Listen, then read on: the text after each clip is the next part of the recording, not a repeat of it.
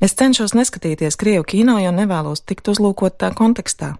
Tik tieši savos izteikumos ir režisora Natālija Mešaņīnova, kuras filma Pasaules sirds nu pat ieguva Rīgas starptautiskā kinofestivāla galveno balvu. Lai gan sākotnēji režisora bija iecerējusi veidot filmu par ekoteroristiem, rezultātā esam nonākuši gluži pretējā teritorijā.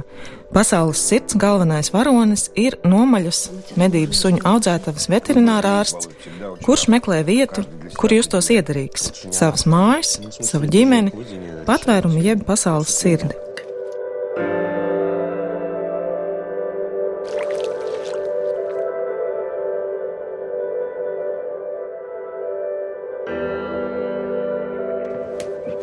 Intervijā Kristīnai Simpsonai režisora Mešaņīnova, kas vairāk pazīstama kā dokumentālā kino veidotāja, ieskicē savu īpašo paņēmienu filmas personāžu izveidē, kurš tāpat ir dziļi balstīts dokumentālā kino veidas tehnikās.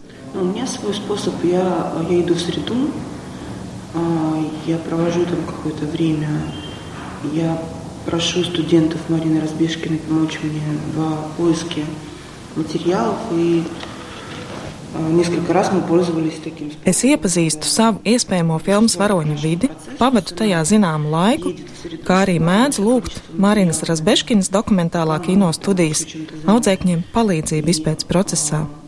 Pāris reizes mēs izmantojām paņēmienu, kad kāds dokumentālā kino režisors pieslēdzas scenārija izstrādes procesam, dodoties izbraukumos uz plānoto filmas varoņu vidi un safilmējot diezgan daudz materiālu, kurš dod mums zinām īstenības sajūtu.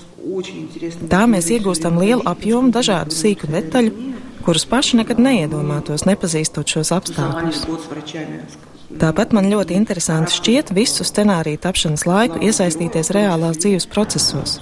Piemēram, rakstot scenāriju Borisa Kļemņikova filmai Aritmija, mēs gadu tusējām kopā ar ārstiem, un rezultātā filmas personāžu raksturi, tā skaitā arī filmas galvenā varoņa tēls, ir būvēti apvienojot dažādu šo mediķu personību iezīmes.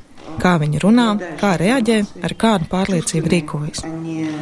Kad viss šī informācija iegūta, uzsūkta tādā tīri jutekliskā, nevis žurnālistikas līmenī, tad jau šos tipāžus var arī ierakstīt scenārijā.